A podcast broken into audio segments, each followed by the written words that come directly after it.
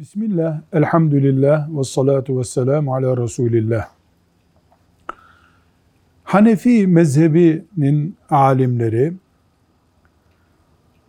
ilim talebesinin ezan okunurken dersiyle meşgul olmasında bir sakınca görmemişlerdir. Bunu tavsiye ettikleri de olmuştur. Eğer ilim ilimse tabii. Bu soru bir kardeşimizin talebeler ezan okunurken hala kitaplarıyla meşguldüler. Bunun bir hikmeti olabilir mi? şeklindeki sorusuna verdiğimiz cevaptır. Çünkü ilim hayatın aslı, İslam'ın yaşamasının suyudur.